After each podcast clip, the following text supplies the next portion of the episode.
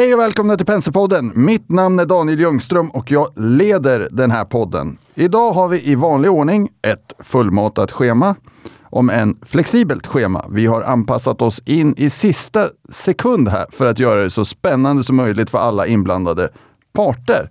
Vi ska bland annat låta Claes Palin eh, presentera sin initieringsanalys av Bioworks Technology. Och för er som inte vet vad en initieringsanalys är, så är det när vår analytiker för första gången släpper analys på ett nytt bolag. Och då kan man säga att det ligger någonstans tre till fyra veckors arbete eh, bakom den här analysen. Och för mig som har gjort och följt relativt många sådana initieringsanalyser så tycker jag att de är superspännande. Och det är ur perspektivet att när, när en analytiker har fått borra så länge i ett bolag och presentera sina slutsatser så är det lite som en, ett nytt bolag presenterar sig för oss som har varit lite på sidlinjen. Man har någon form av uppfattning och så vidare. Eh, den är ibland rätt och i, i många fall fel. Och sen kommer någonting som är lite tydligare. Vi har pratat om det här eh, flera gånger förr. Det som är lite roligt då för, för oss på Penser, det är ju att vi har ganska många sådana här initieringar framför oss. Det gör att jag tror att vi kommer kunna hålla ett hyggligt spännande innehåll i podden för lång tid framåt. Sen är det klart, sen beror det lite på eh, vilka bolag det är, hur, hur, hur, hur spännande du som lyssnare tycker att det här är. Jag tycker det är superspännande oavsett sektor faktiskt. Eh, utöver den här initieringen då, så har vi lite annat smått och gott i dagens podd. Eh, vi ska bland annat prata lite om den här rapportsäsongen vi är inne i. Eh, vi ska Eh, vi ska, vi ska sammanfatta lite grann ett seminarium som hölls med ett gäng studenter igår. Lyssna lite kring och kommentera kring vad de har för frågor. Vi vet ju att en och annan av våra lyssnare går på universitetet och alla kanske inte var med på det här seminariet. Så vi tänkte komplettera in för er övriga också. Utöver det så ska vi prata B-Group, ett bolag vi haft uppe ett par gånger i, i podden. Eh, som också är lite spännande. Personligen tycker jag är lite spännande för jag var med när de noterades på börsen. Eh, och sen har det varit en, en händelserik resa därefter. Om vi hinner så kommer vi, kommer vi också att så att säga slänga in ett och annat ytterligare bolag i det här. Med oss eh, på telefon har vi Robert Tovi som sitter på Koster och myser. Välkommen till podden Robert! Tack Daniel! Vad är det för väder på Koster? Eh, det är eh, strålande sol och kanske 10 grader varmt. Härligt! I Stockholm snöar det. Jaså, okej. Okay.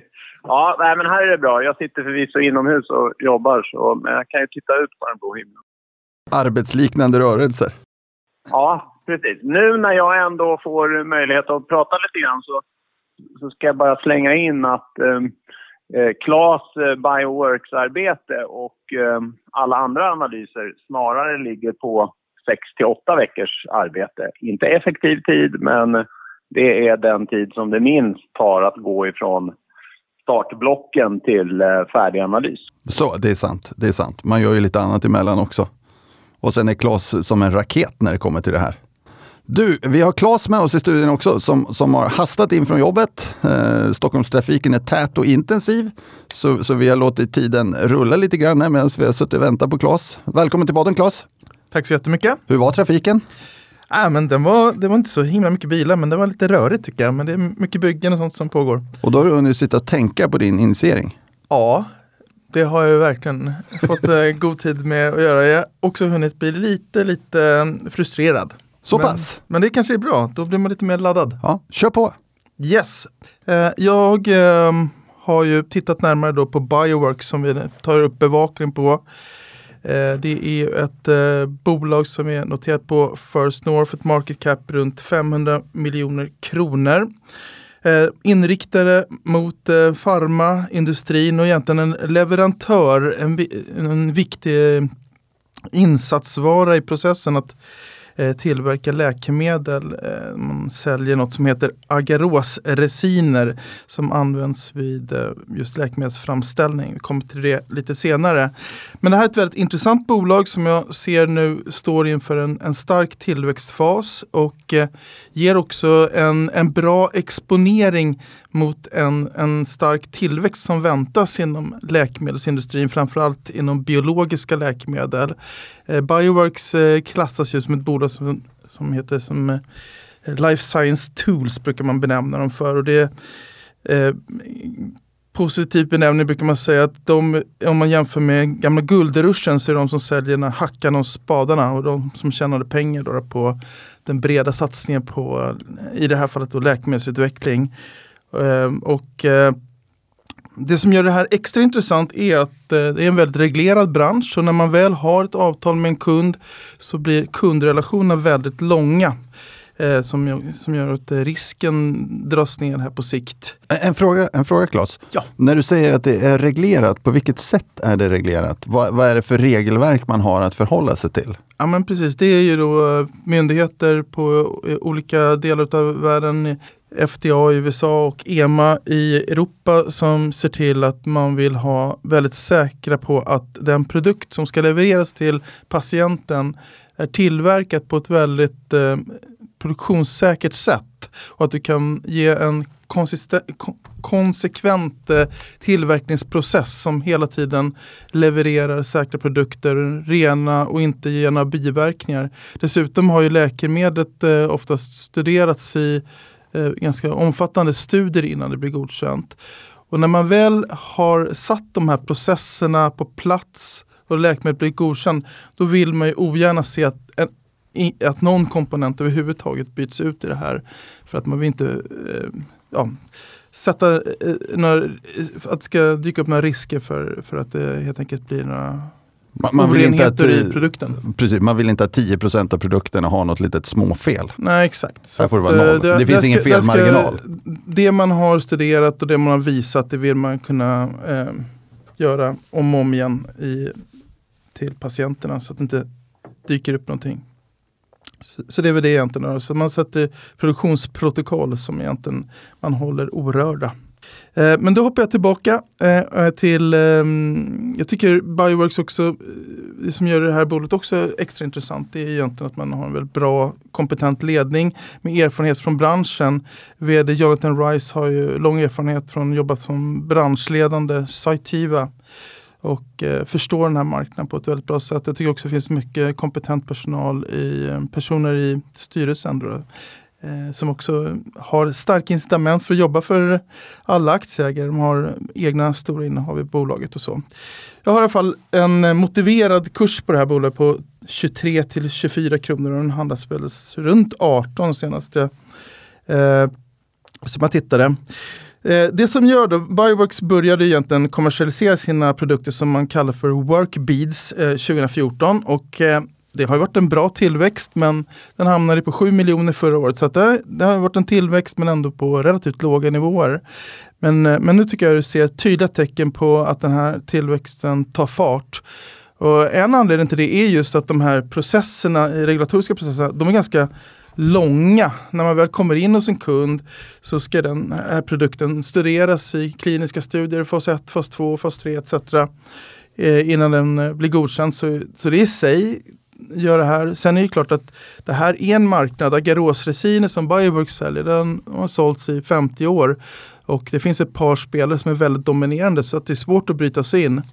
Men det som gör att eh, del, dels att man har varit ute ett antal år, eh, men även också corona då, som jag ofta brukar komma in på när jag här och pratar har ju spett på det här för att hela vaccinutvecklingen och även andra antikroppsbehandlingar det tar ju väldigt mycket kapacitet utav industrin. Eh, så att det råder ju en kapacitetsbrist, dels rent produktionsenheter men även just insatsvaror i produktionen har ju tydliga signaler på en kapacitetsbrist som gör det lite lättare för en, en ny spelare som Bioworks att ta sig in. Vi kan se här under första kvartalet exempelvis så har orderingången varit i nästan paritet med försäljningen under eh, 2020. Då, då Så att det ser väldigt lovande ut och man skalar nu upp produktionen för att kunna dubbla den volymen. Men eh, som sagt, jag tycker det här bolaget är inne i en långsiktig tillväxtfas eh, och eh, eh, värderingen är ju inte alls utmanande på något sätt och vis. Jag är ju ändå, tycker jag, hyfsat försiktig i mina antaganden. Och, Eh, om man då tittar på kanske den mest jämförbara bolaget här på Stockholmsbörsen som är eh, Genovis men även eh, Nanologica. Då. Men, men framförallt Genovis är lite kul att titta på eftersom de har kommit lite längre än både Bioworks och, eh, och Nanologica. Då. Alltså, om de levererar här på de prognoser som jag har satt upp eh, eh så skulle man vara i ett jämförbart läge där Genovis är idag 2023. Eh, och, och om man applicerar de multiplar som Genovis handlas på idag då, alltså, så ger det någon form av indikation att ett aktiepris upp mot 70-80 kronor. Så att, det är en spännande resa framöver om bolaget och det kommer ju känna mer konfident i sina estimat och driva på värderingen så att säga här framöver när man då Får man ställa en fråga? Levererar. Ja. Du, du, nämnde, du nämnde att det fanns ett par dominerande aktörer som man ville ta sig in mot. Mm. Eh, hur, varför ska Bioworks lyckas med det?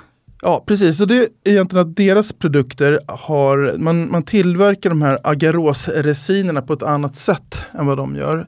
Som gör att de blir lite styvare och därmed också kan klara högre tryck som är de här processerna.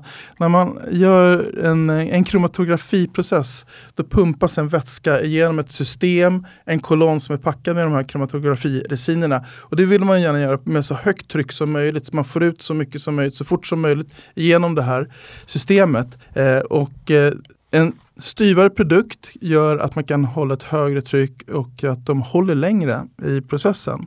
Därtill så, så har man visat att man, man får ett bättre slutresultat också med de här eh, resinerna jämfört med många av de etablerade.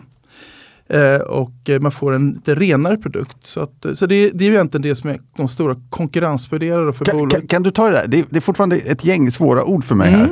här.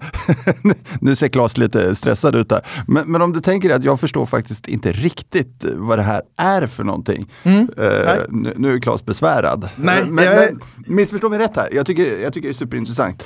Vad, om, om, förklara som, som, för någon som aldrig hört talas om det här tidigare. Så här, du säger att de blir styvare, man packar, det är olika processer. Mm, precis, eh, och eh, det var väl egentligen hit jag skulle komma. Eh, och det egentligen tänkte berätta lite kort om just kromatografi, vad det är. Det är egentligen att man, man har då ett, under en läkemedelsframställning eh, ett, en eh, produkt som man ska rena och då gör man det oftast i en kromatografi Eh, process. Och den produkten då, eller vätska i det här fallet, pumpas då igenom ett system eh, och och det man vill göra det är att separera bort de orenheter i så att man får en väldigt ren slutprodukt.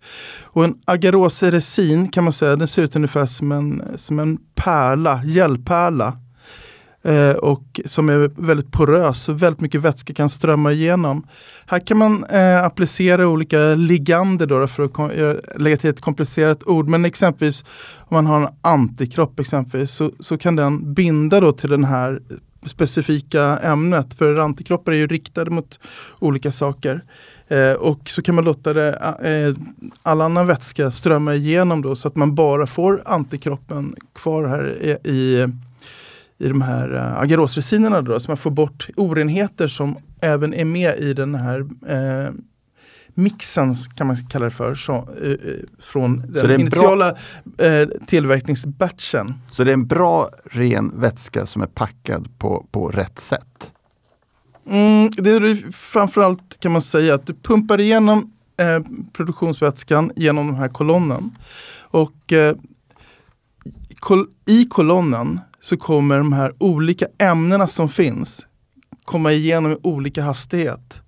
Och på så sätt går det att separera olika ämnen så att du kan få, jag vill kanske bara ha en antikropp som är riktad mot ett, mot ett specifikt måltavla och inte massa annat som finns med i den här produk produkten från produktionen.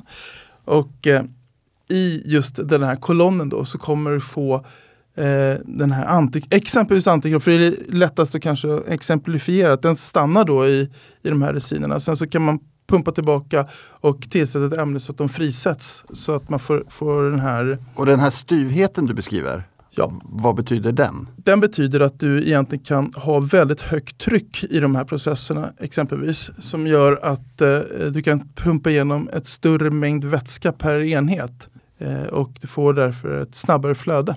Och det här gör man lite bättre än konkurrenterna? Ja, exakt. Med det sagt så kanske just antikroppsexempel är lite dåligt för där, där är alla väldigt duktiga. Utan det är mycket annat. Eh, Bioworks siktar in sig på peptidtillverkning och oligilo, oligonukleotider. Eh, vi, vi stannar där i den beskrivningen. Men det är en annan form av eh, läkemedel kan man säga som, eh, som man tillverkar. Eh, och eh, där är ofta processerna är väldigt komplicerade och det krävs väldigt eh, eh flera steg av rening. Och då är det viktigt att de här eh, agarosresinerna håller och inte sönderfaller under den processen exempelvis. Jag, jag, kan garantera att eh, Jonathan är bättre på att berätta det här. Men, men och det, det kan vi återkomma till lite senare. ungefär vad det här, exakt, jag hoppas att han får vara med i podden här framöver. Men, men, men, eh, men hårdraget är det så att det är eh, att, eh, att man, man, man har en stabilare produkt som kan klara högre tryck och högre flöden. Det behövs absolut inte alltid. Men i vissa fall, och den här marknaden är så pass stor, den är, ja, den är ungefär en miljard dollar eller kanske till och med ännu större och väntas växa till 2 miljarder dollar 2030. Så att på mina 2030 estimat så räknar jag med att Bioworks tar 3% av den här marknaden. Och det är just de här mer komplicerade produkterna. Du har ju i analysen beskrivit grafiskt det här på ett, ett eh, väldigt intressant sätt. Um, hur, hur du skissar på att uh, Bioworks försäljningsutveckling kommer att se ut under lång tid framöver. Mm. Skulle du kunna lite grann, om det går, beskriva den här grafen eh, lite grann och dynamiken kring den utveckling som du ser? Nej men det är egentligen att jag tror att eh, just de här eh, svår, eh, de här mer krävande kunderna där det är än viktigare att ha en väldigt hög prestanda i de här agarosresinerna. Att man lyckas äta sig in i den här marknaden allt mer i och med att man blir mer och mer välkänd på marknaden och därmed också kan öka hela kundboken successivt. Man har haft en väldigt bra tillväxt hittills. Men för liksom kronan på verket för att få eh, de här stora volymerna och att verkligen försäljningen eh, sticker iväg eh, så gäller det att få kunder att också komma in i en produktionsfas. Så jag har gjort en uppskattning här. Dels hur bolaget lyckas vinna kunder som utvärderar och sen tar med eh, eh, Bioworks eh, produkter i sina produktionsprotokoll och dessutom då räknat på Eh, att, eh, hur, hur det här sen eh, eh, tar sig vidare in i en, eh, till en produktions Eh, Eh, kund i slutändan. Och jag räknar med genomsnittstiden på ungefär fem år och att ungefär var sjätte kund man har där man har kommit in i, i en så kallad produktionsprotokoll kommer ta sig till slutmarknaden. Sen har jag också räknat med de riktigt eh, lönsamma och eh, fina kunderna för Bioworks kommer vara de som eh, har väldigt höga volymer. Exempelvis säljer läkemedel som riktar sig till stora patientgrupper. Och där räknar jag med att ungefär var tionde produktionskund kommer kunna bli en sådan kund. Och då pratar vi om återkommande intäkter på 10 till 15 miljoner kronor. Var det svar på din fråga Robert? Ja, det tycker jag. Mm. Men, men, men det som gör det här lite extra intressant, det kan, kan ju se lite sådär eh, suspekt ut att säga att ett bolag ska sälja för 500 miljoner om 10 år när de hade 7 miljoner omsättning förra året. Men det är just att det är väldigt viktigt för tillförlitligheten i den här branschen att man finns som producent Eh, och att man vet att de kommer finnas kvar och att man vill som sagt man vill inte experimentera med den här typen av insatsvaror utan man vill vara väldigt säker på att, eh, på att allting fungerar. Så det finns ett behov, det är en del av trögheten. Sen just är en del av trögheten också att, att det är de här långa utvärderings och kliniska processerna av de här produkterna som gör att det tar tid innan man kommer in i storskalig produktion då volymerna verkligen går upp eh, och efterfrågan på Bioworks produkter. Men vi ser den komma nu, men som sagt återigen, den drivs på utav den utveckling vi ser i marknaden där covid-19 tar väldigt mycket kapacitet från industrin som gör det lättare för en mindre spelare att, eh, att kunna ta sig in. Dessutom så är det så att, att vi har ju inte bara Eh, just efterfrågan på läkemedel som förändras utan även kapitalmarknaden har varit väldigt starka. Så att det har ju kommit väldigt mycket kapital tillgängligt till, till hela industrin. Så att vi ser också att eh, en mindre bolag har en allt högre aktivitet eh, inom det här området som gör att jag menar mindre bolag och nya bolag, de har inte samma relationer till de här stora spelarna och är mer öppna som jag uppfattar det till eh, att prova nya lösningar. Så, så det är väldigt höga inträdesbarriärer till den här marknaden. Men när du väl inne så, så, så kan man säga att möjligheterna öppnar sig på ett helt annat sätt. Precis, jag, min uppskattning är att en kundrelation är åtminstone 10 till 15 år när man väl är igång. För att nå några av de här siffrorna du, du estimerar, Mm. hur, hur många kunder, kan man uttrycka det så? Mhm. Eh, om, man- om man tänker sig antalsmässigt och så vidare, skulle man behöva?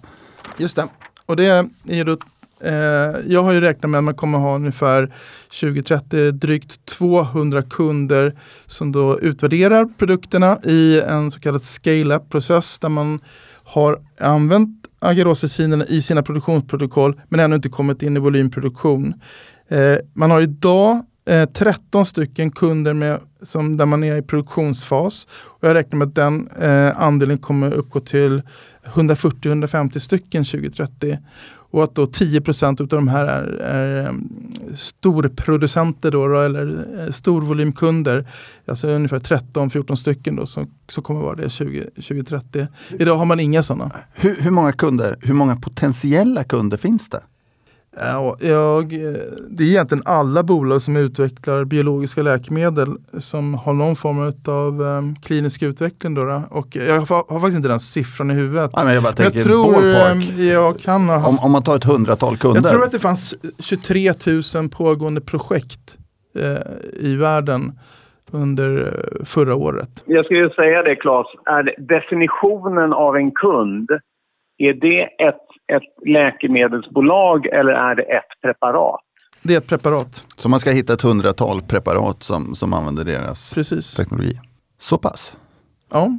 Eh, det, det, för oss som jobbar med banking så tänker man så här, ett par tusen kunder, men, men här det är få kunder. Mm. Ja, man har ju haft 500 kunder drygt inne i sin verksamhet som utvärderat eh, deras eh, produkter och eh, en del har ju gjort egna tester och kommit fram och bekräftat eh, kommit fram till och bekräftat att, att eh, deras workbeats då är, har bättre egenskaper än, än många av de etablerade leverantörerna. Men det är klart att jag menar, som ny aktör, du är liten, eh, det, det är väldigt, väldigt viktigt att veta att de kommer kunna leverera eh, de här produkterna även om tio år. Så det är en del utav, av... Det, eh, det, det låter ju då som att vi, vi ramlar ner i att sannolikheten att man kan hitta de här kunderna är relativt hög, om du Mm. frågar mig som lekman. Men vad är riskerna i projektet då? Eller vad är riskerna i bolaget?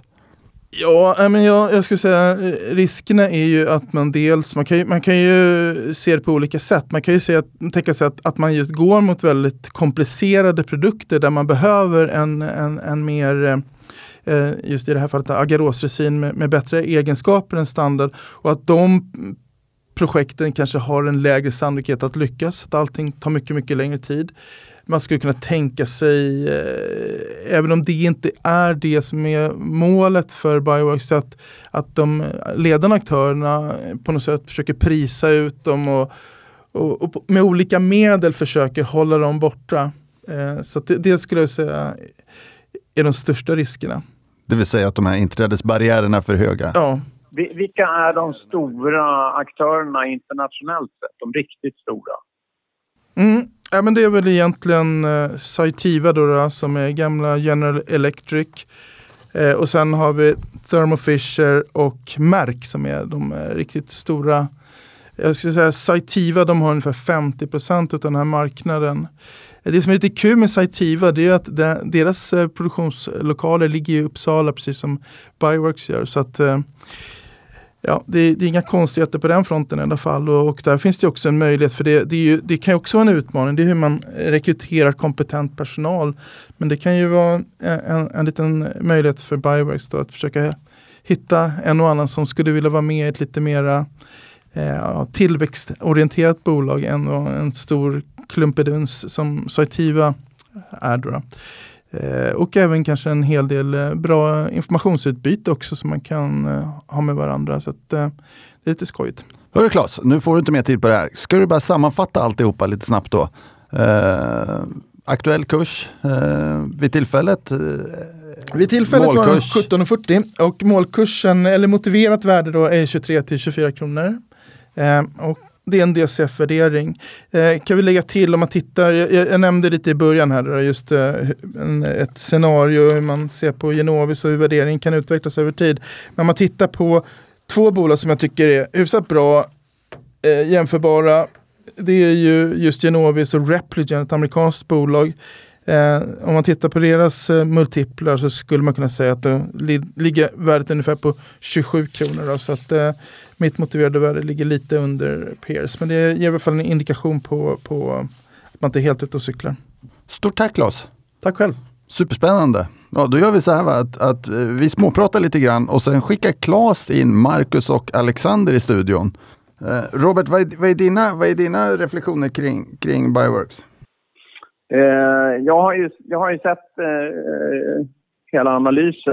Jag måste säga att jag tycker det här ser otroligt spännande ut. En, en sektor som... Eh, man, man riktar sig mot en sektor där risken, den långsiktiga risken generellt sett är, är väldigt hög. Här får man exponering mot den, en, en, lite större riskspridning i en, en eh, väldigt spännande sektor. Och, och eh, som Claes beskriver då så, så med tiden som hjälp så får man nästan en exponentiell utveckling i försäljningsutvecklingen eh, till en lägre risknivå än vad man har i, i eh, ett biotechbolag eller ett läkemedelsbolag. Sådär, nu, nu, tack Robert. Nu har Marcus och Alexander kommit in i studion och de vet ju naturligtvis om att man ska ha micken på tuggavstånd eh, och börja, börja göra sig lite redo. Eh, Marcus, ja. det här är ju din premiär va? Jag har ju presenterat dig lite försiktigt eh, tidigare. Mm. Vad sägs om att du berättar lite kort vem du är? Ja, eh, jag heter Marcus, eh, började på Penser för ja, lite drygt en månad sedan. Kom närmast från, från Kepler och innan dess var jag sex och ett halvt år på Morgan Stanley i London. Uppvuxen i Södertälje, så kom från The Hood och ja, jobbade på fem år på McDonalds mellan innan skolan och sen så pluggade på Handels. Vad var i finansbranschen sedan dess. Vad är det du har analyserat för någonting under alla de här åren? Eh, primärt verkstad, lite skog också. Men, men största del, sen, sen 2012 så har jag tittat på de större svenska verkstadsbolagen, så SKF, Atlas, Sandvik. L lite skog, det slänger du bara ur det sådär? Ja, jag, jag, jag täckte skog tre år eh, i London. Eh, mycket intressant tid innan så att säga, allting drog iväg. Eh, så att det var ju strukturell nedgång på papper precis när folk slutade läsa tidningar och, och hela den perioden. Alexander, vilka år täckte du skog? Ja, ska vi se. 2003 till, kan det ha varit 11, 12, 13 någonstans där. Och du Marcus? 2009 till 12. Så att, se där, ni, ni har liksom varit lite konkurrenter. Ja. ja. men vi har väl täckt lite samma sak. Jag täckte ju, du var väl inne lite på stål och den typen av eh, annan basindustri också under perioder när jag täckte det? Ja, lite grann. Jag täckte ju till exempel B Group eh, en gång i tiden. Så, att, så att där har vi också en koppling. Men framförallt så var det skogsbolagen. Det här är ju superkul. Eh, historiskt sett, hur, hur, hur förhåller ni till varandra? Kan vi ha er i samma rum, men är ivriga konkurrenter? Det går ju bra än så länge tycker jag. det går bra än så länge. Ja. Va, vad ska vi prata om? Eh, vi tänkte väl prata lite om, det är vi ju mitt i den rapportperioden här, eh, och eh, det har ju varit ganska stora överraskningar i resultaten. Eh, kan vi börja med att följa upp eh, lite utifrån eh, de här accessbolagen som vi bevakar. Där rapportperioden inleddes den sista mars med en positiv vinstvarning från B-Group. Den har vi diskuterat förut, men de eh, levererade sin fullständiga rapport häromdagen. Eh, och eh, B-Group ska sägas är då ett accessbolag hos oss. Vi skrev senast då i samband med den fullständiga rapporten den 21 april och aktien står i 61 kronor. Vi har ett motiverat värde på 75 till 77. Jag har inget innehav i B-Group. Men det som är intressant i, i rapporten, det är väl egentligen att det som vi har talat mycket kring tidigare, alltså under den svaga stålcykeln som vi var inne i fram till slutet på eh, förra året egentligen. Eh, det är ju att de har gjort väldigt mycket arbete internt vad gäller effektiviseringar, eh, kostnadsbesparingar och liksom, de har gnetat mycket i organisationen. Och vi har väl argumenterat för att det kommer betala sig när man väl kommer in i en starkare marknad. Och där är vi ju nu. Vi har ju vrålstarka konjunkturindikatorer för stål och metall som liksom stiger månad för månad. Eh, och de kom då även med ett väldigt fint resultat här i Q1. Eh, tittar vi i själva rapporten så något som stack ut när vi då fick detaljerna liksom, och inte bara resultatet. Det är väl att det är liksom en god kostnadskontroll som ligger bakom mycket av det här. Och, och det är ju det här arbetet som de har eh, presterat de senaste åren som nu gör att de har en liksom väldigt fin hävstång i en starkare marknad. Så att, eh, det ser väldigt bra ut och det gör också att vi mm, tycker att kvaliteten då i resultatet är, är, kan tolkas som än bättre än vad det kanske var vid första anblick. Då. Hur, hur, var, hur var kursreaktionen på analysen? Eller på rapporten, förlåt mig. Ja, alltså det, de, de kom ju då den eh, sista mars med den positiva vinstvarningen. Då gick den upp rejält och sen har ju aktien eh, varit stark fortsatt. Alltså den, den, står i 61 kronor nu. Eh, så att just att vara, inne, att vara exponerad mot den här starka återhämtningen eller den här starka cykeln som vi är inne i, det är vettigt. Och vi har väl mm, liksom gjort jämförelsen med det vi såg 2009-2010. Där vi hade en jättedipp i indikatorerna såklart, som vi kommer ihåg. Och sen en rejäl uppgång i det, då, eller från det. Eh, och där hade vi också en korrelation med aktien som var väldigt tydlig. Att, att aktien steg kraftigt under den perioden som indikatorerna steg. Sen när man kom upp och toppade och liksom, eh, indikatorerna toppade av och i något läge måste de göra det egentligen, jag menar, när vi bara har ett positivt momentum. Det var också där någonstans aktien toppade. Och vi är fortfarande i den här uppåtgående trenden vad gäller indikatorerna då, eh, för sektorn. Eh, vilken, vilken, vilken kudde ger det här interna effektiviseringsarbetet som man eh, då ser frukten av nu i, när, när konjunkturen viker i ett sånt här bolag?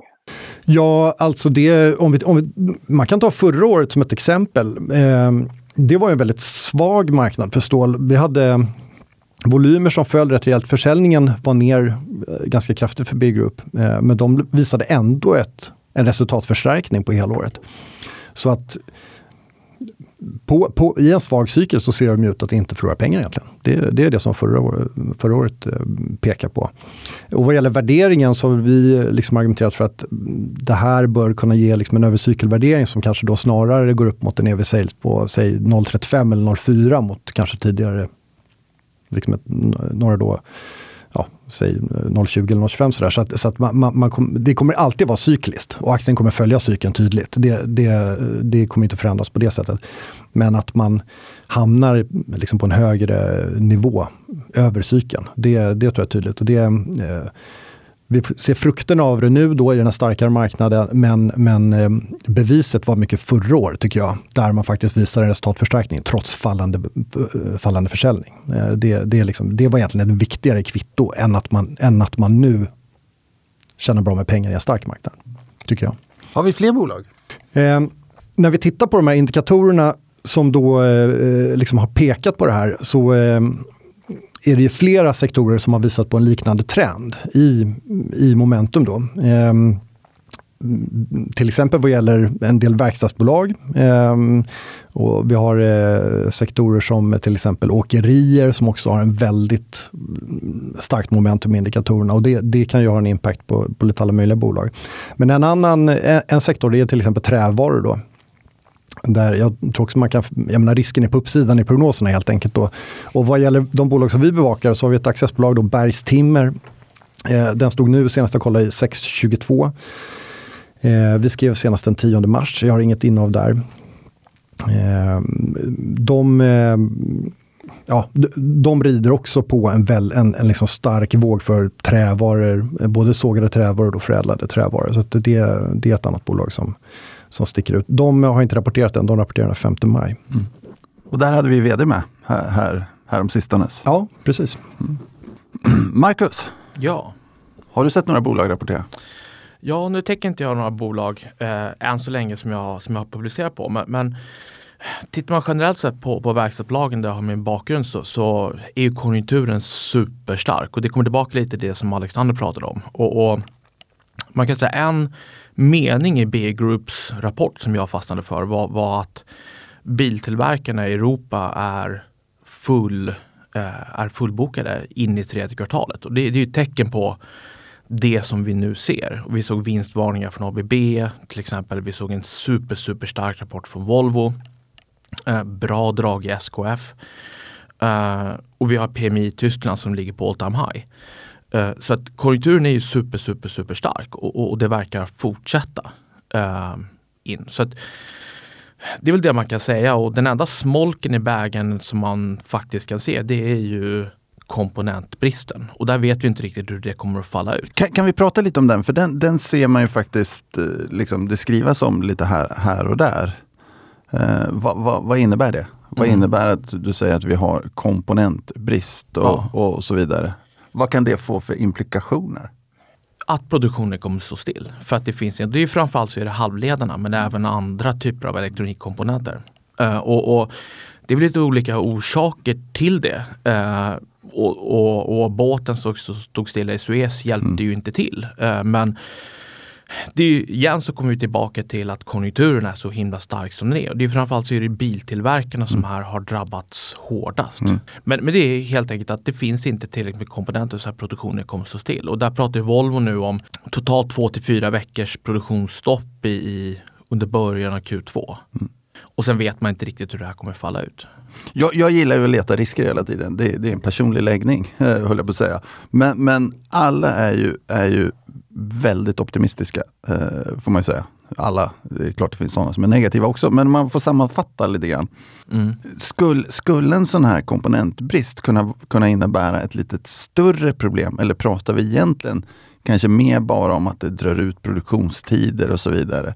Kan, kan det här innebära, jag pratade lite med Jonas eh, som säger att 60% av bolagen slår estimaten. Det ser ut som att bolagen är mer positiva än, än er analytiker och så vidare.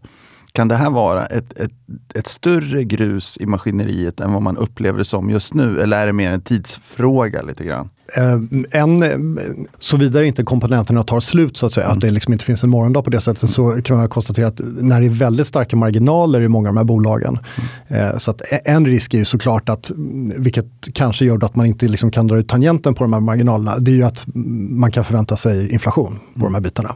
Och kanske rejäl sån då, eh, vilket gör att man någonstans hamnar på övre cykelmarginaler som kanske inte är så hemskt Nej. skiljer sig så hemskt mycket från vad man haft historiskt då egentligen. Och att det är liksom där i den spaken man får dra i prognoserna då. Så det, det, det, bör väl vara en konsekvens, i alla fall på vissa delar då där det är brist. Liksom. Um, och det, det är ju um, det är ju sånt som vi alltid ser när det gäller lagersvängningar i till exempel, om vi, om vi tar basindustrier som till exempel stål. Mm. Att när det är stålbrist så går stålprisen upp och det gäller väl samma fundamentala faktorer för halvledare då till exempel. Eller vad det kan vara. Så att, man kan, man kan väl ändå konstatera att komponentbristen har ju många industrier levt med eh, under en längre tid nu. Eh, och, och, man kan ju också titta på till exempel Fingerprints rapport som kom häromdagen eh, där man pekar just på eh, betydande komponentbrister. Trots det så levererar Fingerprint då en, en topline-tillväxt eh, organisk på drygt 30 procent och eh, når äntligen de här bruttomarginalerna på nästan 30 procent som man har pratat om. Så att trots då att man är, är verksamma inom en, en sektor som är tydligt exponerad mot, mot komponentbrist så lyckas man leverera det här på kort eh, sikt och guidar dessutom för en kraftig tillväxt under, under Q2. Så, så här långt kan man väl ändå säga att bolagen ser ut att ha hanterat komponentbristen extremt väl.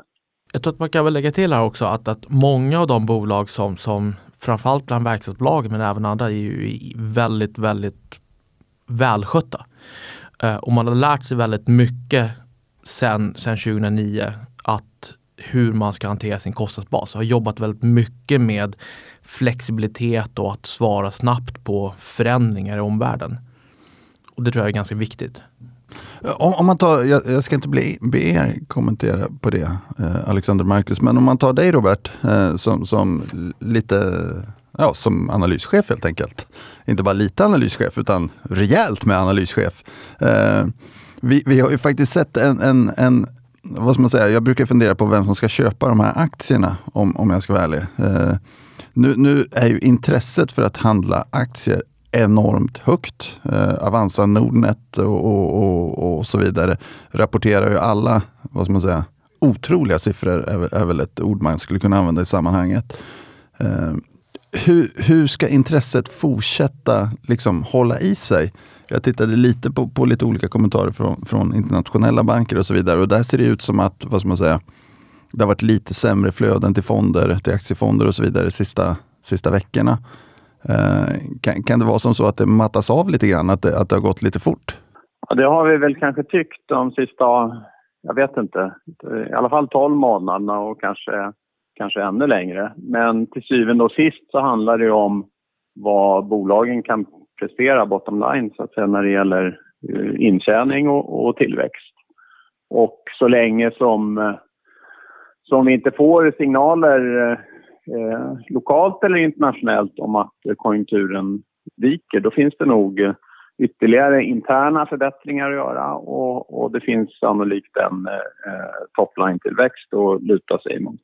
Men visst, eh, man kan väl diskutera värderingar också i ett eh, lite längre perspektiv och eh, eh, jag vet inte om Alexander och Marcus har sett någonting i rapporterna här som, som gör att man ska dra öronen åt sig när det gäller värdering i verkstadsindustrin till exempel? Mm, nej, från min sida så har jag inte sett det utan allting rullar på väldigt, väldigt bra. Utan det är snarare som så att förväntningen ligger väldigt högt och, och generellt sett och, och, levererar man inte så kommer kurserna ner och även om du är lite bättre så räcker inte det utan, utan det är fortsatt Förväntningarna är väldigt höga och som du säger att värderingarna har ju dragit iväg. Men det finns ingenting i själva rapporterna eller operationellt sett som, som, skulle ty som tyder på att vi står inför någon typ av vändning alls. Det har inte jag sett i alla fall. Men sen är det ju så också att om vi går tillbaka till inflationsförväntningar Eh, och, och, här hävdar ju Jonas då med en fas att men, det, det, inflationen är ingen, ingen risk, i alla fall inte i det korta perspektivet. Men om vi nu skulle se inflationen börja ta fart, då kommer det avspegla sig i räntemarknaden och då kommer det att få implikationer för avkastningskraven på aktiemarknaden. Jag, jag, jag, pratade lite med Jonas inför det här och, och eh, han ska också få vara med en sväng i nästa vecka. Och för att sammanfatta hans vy lite grann så säger han att eh, någonstans 60% av bolagen slår estimaten. Han tror att marknaden kanske har blivit lite överrumplad av effekten av de här stimulanserna som har varit. Sen, sen, säger han också, och det här får vi väl fördjupa oss i då lite grann, eh, att det är den bästa globala tillväxten på 60 år. Eh, men att det finns lite så tekniska komponenter i Europa och så vidare som, som visar på, på recession och så vidare. Eh, Jonas, Jonas då, eh, som, som uttrycker eh, vår house view som det heter, eh, han har ett estimat på SP500 på 4500 och vi handlas just nu i 4173. Så att han är väl hyfsat positiv. Jag frågade faktiskt honom också så här, vad är riskerna? Eh, vad, vad, tycker du riskerna är? Varför ska inte det här positiva eh, scenariot slå in? Och då är han ju inne lite på det här inflationstemat då, att inflationen kommer igång och att man då kanske lite för snabbt eh, tar bort en del av de här stimulanserna. Sen är han också lite inne på, på vad ska man säga, eh, alltså oupptäckta risker. Att man stimulerar och så blir det risker i systemet och så händer grejer. Det är väl kanske inte fullt lika sannolikt då, men alltså att det går fort och, och det uppstår små, jag vet inte vad vi ska kalla det, bubblor eller annat som, som kan spilla över. Din vy på det Robert? Ehm, jag tycker återigen att har man koll på, eh, på mikronivå. Eh, det är svårt att ha en i alla fall för oss eh, aktieanalytiker, att ha en makrovy som är, är kvalitativ. Vi måste ju fokusera på bolagen och då är det jätteviktigt att, att, att ha koll på hur, hur man hanterar eventuellt stigande inflation, eh, vilken tillväxt man ser, hur eh, internt effektiviseringsarbete eh, kan leda till ytterligare förbättrade marginaler och så vidare. Så att vi, vi landar ju någonstans i att det är otroligt viktigt att ha, ha koll på bolagsnivå och följa bolagen väldigt nära och, och, och eh, göra det regelbundet så att man fångar upp eventuella förändringar i efterfrågeläget. Vad, vad jag skulle vilja påminna om efter, efter väldigt många år som rådgivare, det är ju till alla som, som handlar aktier att faktiskt tänka på vilka, vilka risker eh, som finns och att inte exponera sig, eh, vad ska man säga, att inte låta sig ryckas med för mycket. Eh, för det, det, är lätt hänt i sådana här tider. Vi gjorde en podd tidigare om behavioral finance och så vidare. Och just, just effekten av, av den här häftiga börsuppgången som man ibland ser gör ju att man flyttar ut sig på riskskalan och så tycker man att man kanske inte får riktigt så betalt som man hade önskat. Då flyttar man ut sig ännu lite mer på riskskalan och sen en vacker dag så, så utan någon större, vad ska man säga, eh, förvarning så, så börjar det gå ner. Och då den där nedgången, den var däremot lite större än vad man faktiskt från början hade tänkt sig. Då får man lite den här hisskänslan och så får man lite volatilitet på marknaden och så lyckas man kliva av vid fel tillfälle. Så jag skulle vilja säga att det här ny, ny, nyvunna eh, sparintresset för många, eh, man blir inte superbra på aktier på ett år eh, som, som fritidssysselsättning i en uppåtgående marknad, utan det tar ganska lång tid och ett par eh, sättningar gör att man, man mognar i tänket lite grann och hittar sin egen riskvilja eh, och sin egen riskkapacitet och så vidare. Så att eh, det är en positiva tider, det får vi väl kalla det. Men, men med det följer ju risker som alla bör tänka på. Alexander och Marcus, så här långt i rapporterna, vad har förvånat er mest? För min del så kanske styrkan och, och, och på resultatet. Mm. Att, att uh, marginalerna är jag hade förväntat mig bra marginaler och bra marginalexpansion överlag. Och det är som sagt, de har, man har varit väldigt, väldigt duktig på att möta de, så att möta pandemin och det som har följt med. Så att, säga, att skära kostnader och, och, man har varit väldigt, väldigt snabb. Och vi har ju sett ganska många kvartal nu där där resultatet har varit kanske bättre än vad man har väntat sig. Men, men det, det är imponerande bra på många håll hur mycket pengar man ändå lyckas tjäna i, mm. i en sån här marknad. Och, och sen så att, att topline är i många fall väldigt stark. Mm. Mm. Du Alexander? Ja, nej men det är väl det, uh, samma slutsats skulle jag säga. Vad bra hörni. Då tror jag att vi, vi avrundar det här lilla momentet och så kör vi en liten fördjupning på makronivå med, med Jonas i, i nästa vecka. Tack ska ni ha! Tack själv! Tack, tack så mycket! Så här är det ju när vi spelar in den här podden, att det är ju väldigt mycket just in time delivery. Eh, om, om, man kan säga, vi har pratat om, om eh, vad ska man säga, produktionseffektiva Eh, Eh, stålbolag och annat eh, precis. Då kan man säga att när vi gör den här podden så försöker vi också vara oerhört produktionseffektiva. Vi spelar in på förmiddagen, vi, vi skickar ut det på eftermiddagen och vi låter analytikerna formligen eh, slita för att leverera innehåll. Idag har Rickard slitit lite extra. Så medan vi sitter här och börjar spela in, då sitter Rickard kvar på, på kontoret och gör analyser och har lite calls och så vidare. Sen springer han från Kungsgatan ner till Sturegallerian, passerar Sturegallerian, in på Humlegårdsgatan kanske det heter va? Ja, det stämmer. I snöstorm. I, I snöstorm. Robert sitter i 10 graders sol. Upp till våning tre, till Finwires utmärkta poddstudio för att leverera mer eller mindre, eh, vad, vad ska man säga, direkt hur det går för Kindred och Surgical Science. Ja, tack för den introduktionen. Det var ett fruktansvärt väder där ute. Och eh, jag tänkte att du börjar med Kindred. Eh, de rapporterar ju nästa vecka och för, för ett tag sedan så valde vi att eh, gå igenom våra siffror och framförallt gå igenom vårt motiverade värde på Kindred. Och eh, det vi gjorde då var helt enkelt att vi höjde det till 200 kronor eh, och aktien handlar nu i cirka 150 kronor. Och eh, tidigare hade vi ett motiverat värde på, jag tror det var 150. Och eh, anledningen att vi gjorde det här, det var lite att vi, ty vi tyckte att marknaden inte riktigt värderade bolagets potential i USA.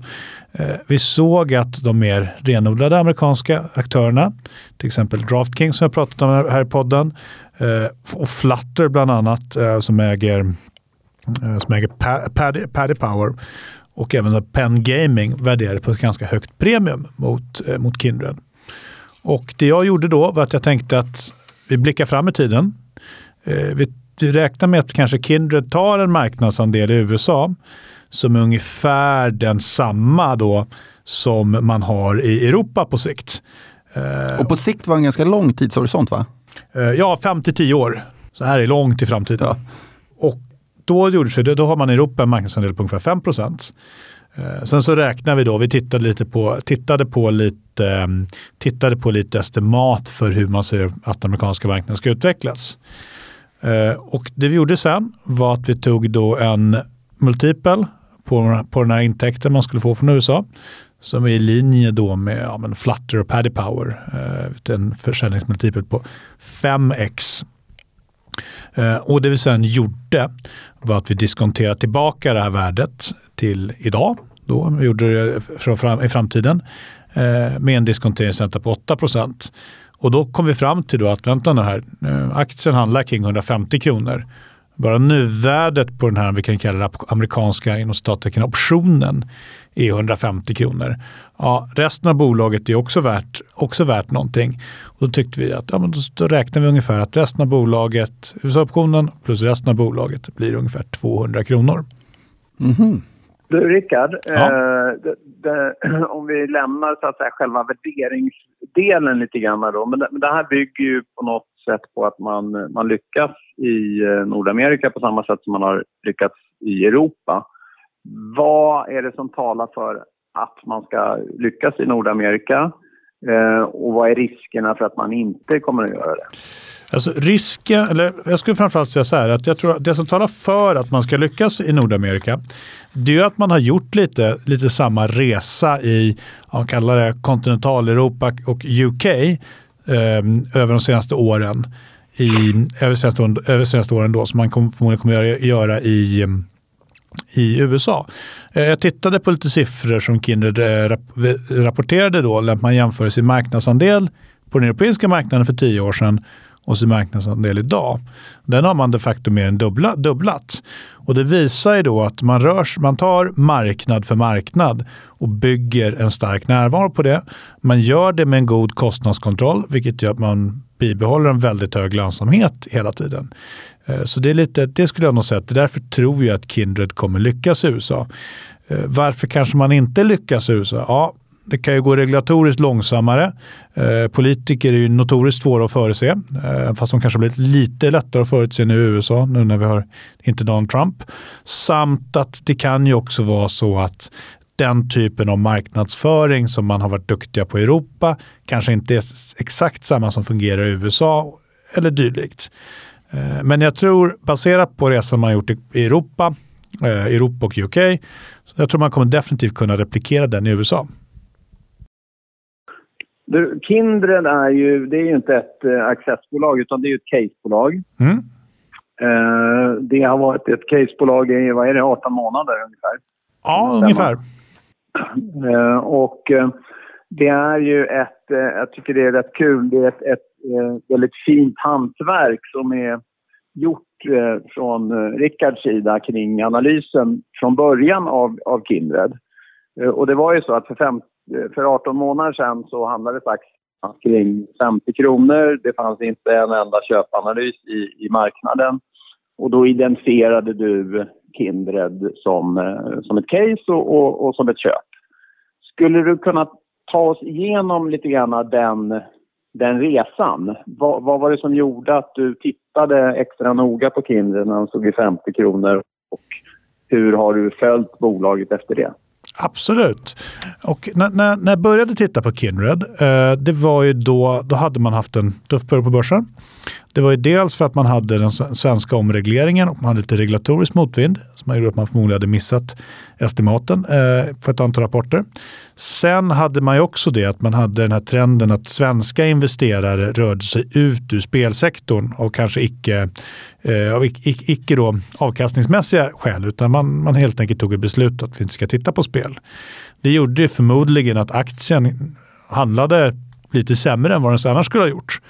Och det gjorde även när man började titta på Kindred, och man tittar liksom på, att, man tittar på spelinsynen och modellen, att aktien såg fundamentalt sett väldigt billig ut eller var lågt värderad. Det är en kombination med att eh, förmodligen de här största kallar det liksom ut, utflödena som berodde på andra saker än att man letade avkastning, hade börjat avta gjorde att vi tyckte att, nej men nu, eller jag tyckte att vi ska definitivt djup, gräva djupare i Kindred. Eh, så jag, jag flög ner till Malta eh, och träffade Eh, Dels träffade bolagledningen här i Stockholm, sen så var jag nere och träffade stora delar av operations nere, nere på Malta. Då. Och sen så eh, lans, lans, lanserade vi det här caset. Eh, det ska tilläggas att det var, det var, lite nervöst i början för man innan första rapporten jag skulle följa dem som casebolag Eh, så kom de ju faktiskt med en, eh, en, en vinstvarning eh, baserat på att sportbruksmarginalen var, var tämligen låg.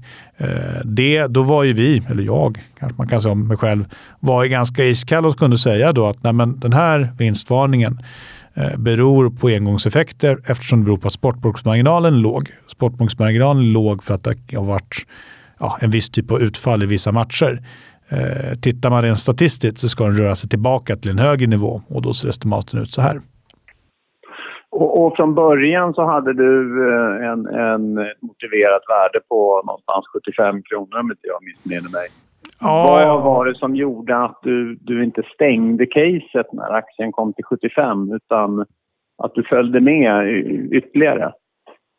Nej, men det var ju lite, lite olika faktorer. Dels så såg jag att det fanns ett starkt operationellt momentum i bolaget. Och finns det ett starkt operationellt momentum i bolaget så finns det då förmodligen anledning att tro att man kommer överträffa marknadens estimat.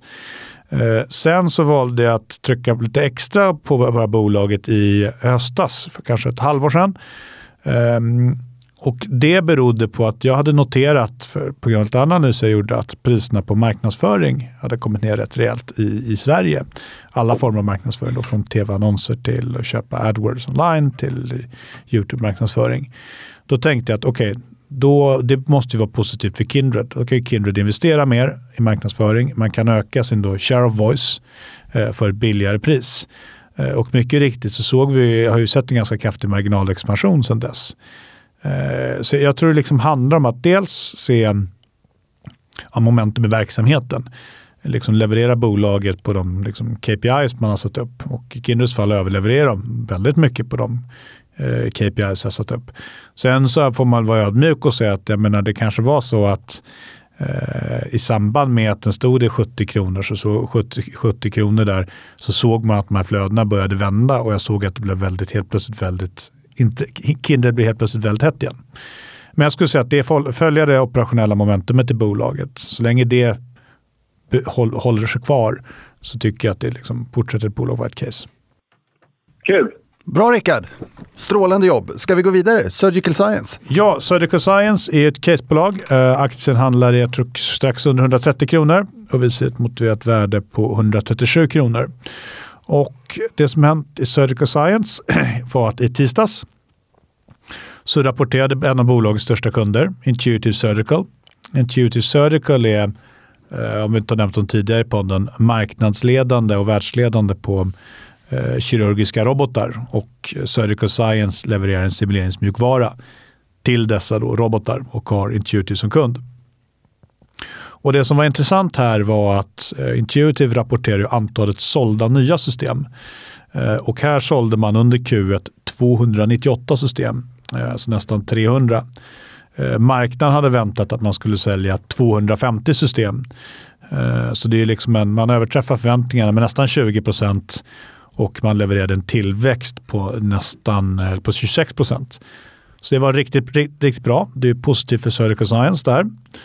Eh, nästa som var positivt, som man sa i den här rapporten, var att användare och simulering steg kraftigt. Det sa man specifikt då, liksom att vi ser en ökad, anledning, eh, ök, ökad användning av simulering year on year. Och om du säljer simuleringsmjukvara så är det väldigt positivt att det efterfrågas och används din mjukvara. Och slutligen så lämnade Intuitive för första gången på över ett år då en eh, guidance Eh, där man säger att det viktigaste är att antalet ingrepp som utförs i de här systemen ska öka mellan 22, mellan 22 till 26 procent.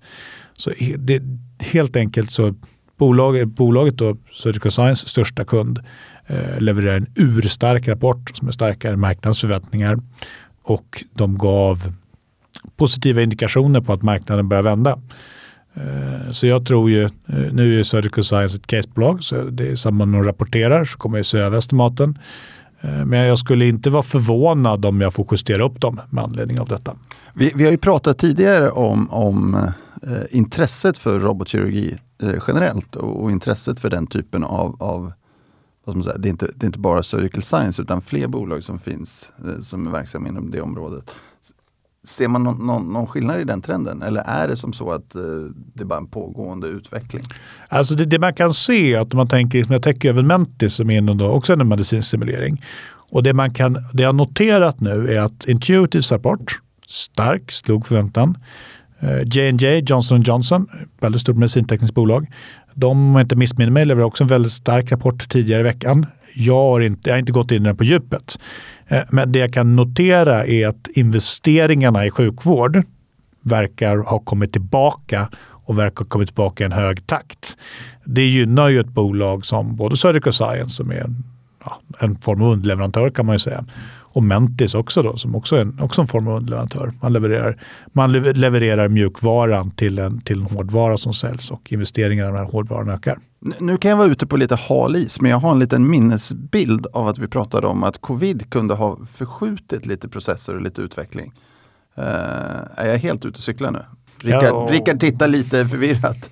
Uh. Alltså det, det, man menar är väl så här att det förmodligen har gjort att det har förskjutit en hel del ingrepp, operationer ja, som måste göras. Precis. Och om du helt plötsligt måste kommande två år göra 2000 operationer per år istället för 1000, ja, då är det såklart att du kommer investera i mer liksom, utrustning. Ehm, så, så kan man nog förmodligen tänka och det vet jag att vi har pratat om det tidigare också om några bolag. Just att där, det finns ett uppdämd, uppdämd efterfrågan, pent-up demand. När kommer den och vad består den i? Och eftersom jag är lite ordningspolis Rickard, äger du aktier i något av de här bolagen? Uh, jag äger aktier i bolagen. I, I båda bolagen? Ja, exakt. Ja. Härligt. Stort tack Rickard. Sitt kvar nu. Uh, för nu, om du inte har något mer du vill prata om sådär spontant. Nej, det har jag, har jag nog inte. Nej, då ska du få vara med i den här diskussionen också. Eh, Magnus, han, han, deltog på ett, eh, vad ska man säga, en gästföreläsning igår eh, på Stockholms universitet med ekonomistudenterna där och fick en massa frågor om, om aktier och sparande antar jag generellt. Och det tänkte vi så här, det är ju lite generellt och intressant och intresset för sparande är ju högt. Det har vi pratat om inte minst tidigare i den här podden. Vad, va, va var det för frågor? Nej, men det var, det var väldigt intressant att vara där. Jag var ju själv i deras sits för bara fyra år sedan och eh, man märkte att de hade ett väldigt teoretiskt perspektiv med mycket frågor kring Excel och liknande. Och analys av aktier är ju ett hantverk egentligen. De kvalitativa grejerna alltså som hur affärsmodellen är och liknande är väldigt viktiga faktorer. Men där så var det mer att man hade den teoretiska approachen. Men det är såklart en bra bas att stå på. Så att det var väldigt intressant att se den aspekten och jag försöker lyfta fram lite att det är mycket kvalitativt också. Men sen när det kom till frågorna så var det ganska mycket frågor om är det en eh, bubbla i tech? Är det en bubbla i green tech? Eh, hur ser du på Tesla och liknande? Så att det var ju lite så, frågorna återspeglar lite tiden vi lever i just nu. Stort intresse för, för stora amerikanska bolag. Frågar de någonting om svenska bolag? Uh, nej, det tror jag faktiskt inte. Frågar de mycket om amerikanska bolag? Det var ju mer om amerikanska bolag. Frågar de någonting om spelbolag? Det är, väl, det, är väl, det är väl populärt bland ungdomarna? Det gjorde de faktiskt. De frågade både om eh, gambling och gaming och vad jag tänkte om eh, värderingarna där. Okej, okay, intressant. Det, det, det, där är en liten reflektion som jag gjorde tidigare också. När, när min, min, sons klass, och han gick då vid tillfället i sexan, hade, hade ett eh, spar, någon form av spartävling eh, mitt under eh, Eh, covidkrisen. Deras SO-lärare var lite vitsig och laddade ner någon app och så vidare. Och när man kunde kika igenom, för det kunde man göra, man kunde se vad alla studenter hade för, för innehav, så kunde man konstatera att det var, det var få svenska namn. Det var däremot väldigt mycket amerikanska namn i ägarlistorna. Eh, och då räknar jag Spotify till, till den eh, listan. Ja, men det är lite mer roliga bolag på andra sidan Atlanten. Det är mer tech och, och sånt som ungdomarna gillar. Ja, och det, det, det, är också ett bevis på hur, hur, global världen är för dem, tror jag många gånger. Ja. Eh, det, det, är inte så stor skillnad på ett svenskt bolag och ett amerikanskt bolag. Eh, det blir man varse lite senare när man ska handla utländska aktier istället för svenska aktier. Om man, om man tar frågor, om man tar frågor då kring, kring hur du jobbar och så vidare. vad, vad, vad var det för typ av frågor? Om man ska sammanfatta ner lite grann. Men jag tog till exempel upp värdet av att utvärdera management för att vi bevakar mycket små bolag och om det bara är tio anställda som det är något bolag jag bevakar, då blir ju management bara i mantal 10% och vikten av de besluten de tar blir ju enormt stora. Om man jämför med exempelvis ett Nordea där det är 30 000 anställda. Då hade de ju förmodligen kunnat byta ut en vd, sätta in en ny liknande och det hade varit ungefär samma verksamhet. Så att frågorna var mycket då, men hur eh, utvärderar man att management är bra? Och det finns ju ingen formel eller det är svårt att kvantifiera det. Men det jag sa det är att man behöver göra lite detektivarbete där. Kolla på historiken, kolla på vad de har sagt tidigare om till exempel målsättningar och hur de har låtit och hur väl de har infriat dem. Kolla också på deras track record, hur de har gjort i tidigare uppdrag, gärna i liknande situationer. Och sen så också prata gärna med bolaget och det är ju enklare för någon som mig som är aktieanalytiker. Men man kan ju ofta ställa frågor på bolagspresentationerna vid kvartalsrapporterna och liknande. Och där kan du ofta utvärdera hur deras svar är. Så ställ gärna liksom inom ett område som du är kunnig inom så att du själv har en uppfattning och se hur du tycker att deras uppfattning stämmer med den du har. Kan, kan man säga att lite grann när vi har haft investerare med oss i podden som, som är väldigt framgångsrika, då, investerare framförallt kanske i små bolag från början. Det, det de pratar om väldigt mycket det är att titta på, på hur ser ägarlistan ut, hur ser vdn ut och så vidare. Och mm. så bryr man sig inte särskilt mycket om, om, man bryr sig inte särskilt mycket om siffrorna de första åren utan man tittar så här, på leveransen utifrån vad management säger och så tittar man på riktningen, är den rätt? Det är inte perspektivet de här studenterna har på, på analysarbetet. Nej, exakt. Då var det mer, jag fick mer känslan, jag kommer ihåg att det var lite mer så, man bygger upp en Excel-modell och sen så säger man ungefär, ah, okej, okay, men så drar vi ut så det är 10 tillväxt om året. Man ska ju egentligen börja andra änden och det var också en fråga jag fick om hur utvärderar man de här bolagen som inte går med lönsamhet? Och där blir det extremt viktigt som alltid att kolla på affärsmodellen. Vad har de för value proposition? Varför skulle en kund betala det de vill att de ska betala för den här produkten? Och hur enkel är den att använda? Kommer det gå enkelt att implementera det här och hur kan de distribuera den? För att om jag har världens bästa produkt hemma i bokhyllan men inte lyckas få ut den till någon, då kommer jag inte sälja någonting. Så att, hur använder de marknadsföring? Hur använder de partners och hur arbetar de med själva säljarbetet egentligen. Så Det blir extremt viktiga aspekter när det kommer till små bolag och sen så även kolla på konkurrensbilden. För att om du exempelvis uppfinner en ny sökmotor som är jättebra, då kommer du förmodligen ändå inte få någon framgång eftersom Google är så totalt dominanta där och har nätverkseffekterna. Så att konkurrensbilden är också väldigt viktig att kolla på. Mm. Vad säger du Robert? Uh, jag säger så här att, att det låter ju uh, på något sätt väldigt enkelt när Magnus uh, beskriver det här. Han beskriver det på ett väldigt bra sätt. Men det kräver också att man aktivt jobbar precis som eh, Magnus beskriver här. Aktieanalys eh, idag generellt sett skulle jag vilja säga tar sin utgångspunkt i just Excel-modellerna och det kommer till exempel ifrån hur man bevakar eh, större bolag där man som enskild analytiker ofta har svårt att tillföra någonting. Eh, det är stora, komplexa bolag. Eh, de flesta analytikerna har ungefär samma input och eh, det finns kanske inte riktigt lika mycket att jobba med på, på detaljnivå som det finns i eh, mindre bolag. Så att, och, jag kan ju se på de ansökningar också som, som vi får in till banken att man har ofta sin utgångspunkt i just Eh, teoretiska värderingsmodeller eller eh, Excel-ark för att eh, angripa aktieanalys. Då.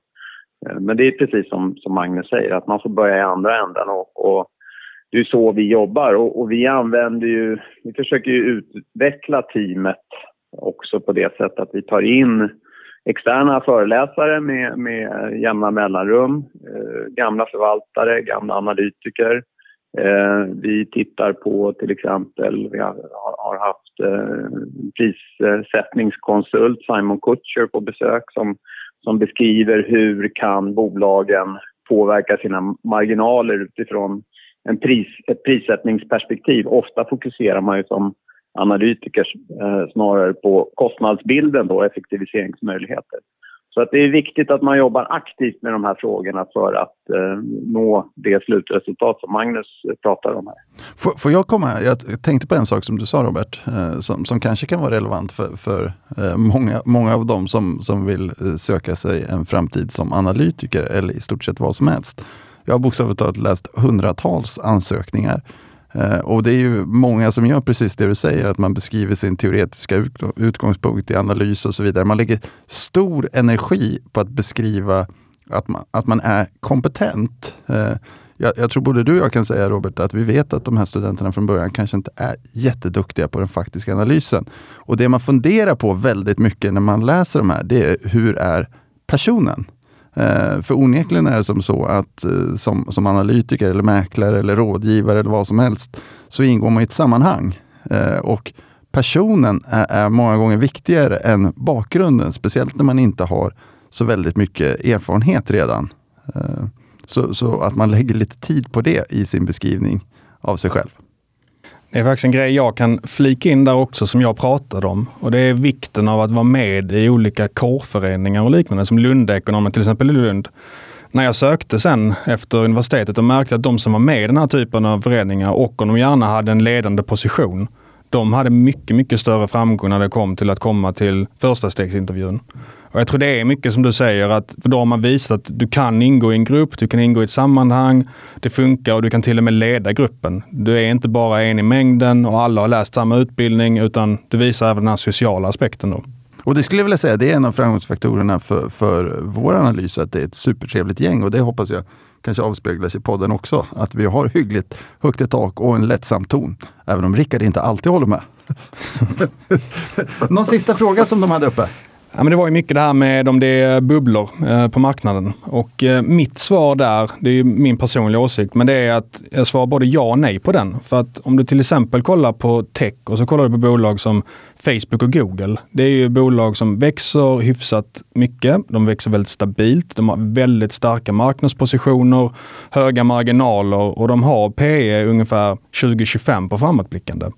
Så där tycker jag inte att det är en bubbla. Däremot om man kollar på de här mindre lönsamma bolagen som det kanske skrivs mer om i forum och som är mer spekulativa. Där ser jag ofta värderingar som jag inte riktigt förstår. Det var som, jag kollade till exempel på Zoom förra sommaren. De fick en superskjuts i och med corona, det här videokonferensverktyget. Och de hade EV Sales 260, toppade de på 2020.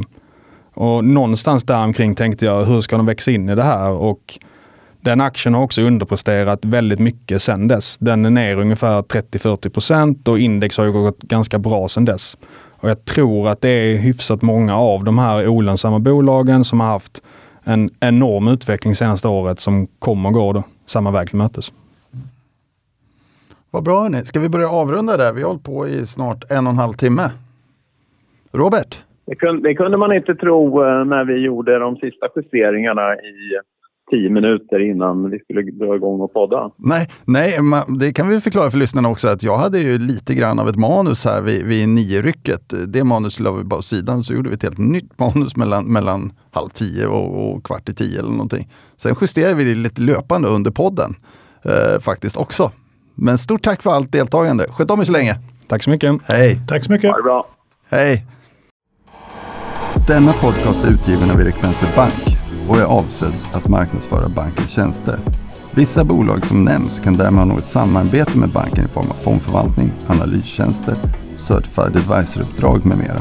För mer information om dessa tjänster, fondförvaltning och även bankens hantering av eventuella intressekonflikter vänligen se bankens hemsida www.penser.se. Vänligen notera att investeringar i finansiella instrument inklusive fonder är förknippade med risk. Historisk avkastning är en garanti för framtida avkastning. De pengar som placeras i finansiella instrument kan både öka och minska i värde och det är inte säkert att du får tillbaka hela det insatta beloppet. Ingen del av Penserpodden ska uppfattas som investeringsrekommendation. Informationen är heller inte att betrakta som investeringsrådgivning då den inte tar hänsyn till mottagarens specifika investeringsmål, ekonomisk situation eller kunskap. De uppfattningar som redogörs för i podcasten återspeglar de medverkandes uppfattning för tillfället och kan därmed ändras. Externa gäster i Penserpodden framför sina egna åsikter som kan avvika från bankens uppfattning. Banken frånsäger sig därmed allt ansvar för investeringsbeslut och för direkt eller indirekt förlust eller skada som grundar sig på mottagarens användande av informationen i podcasten.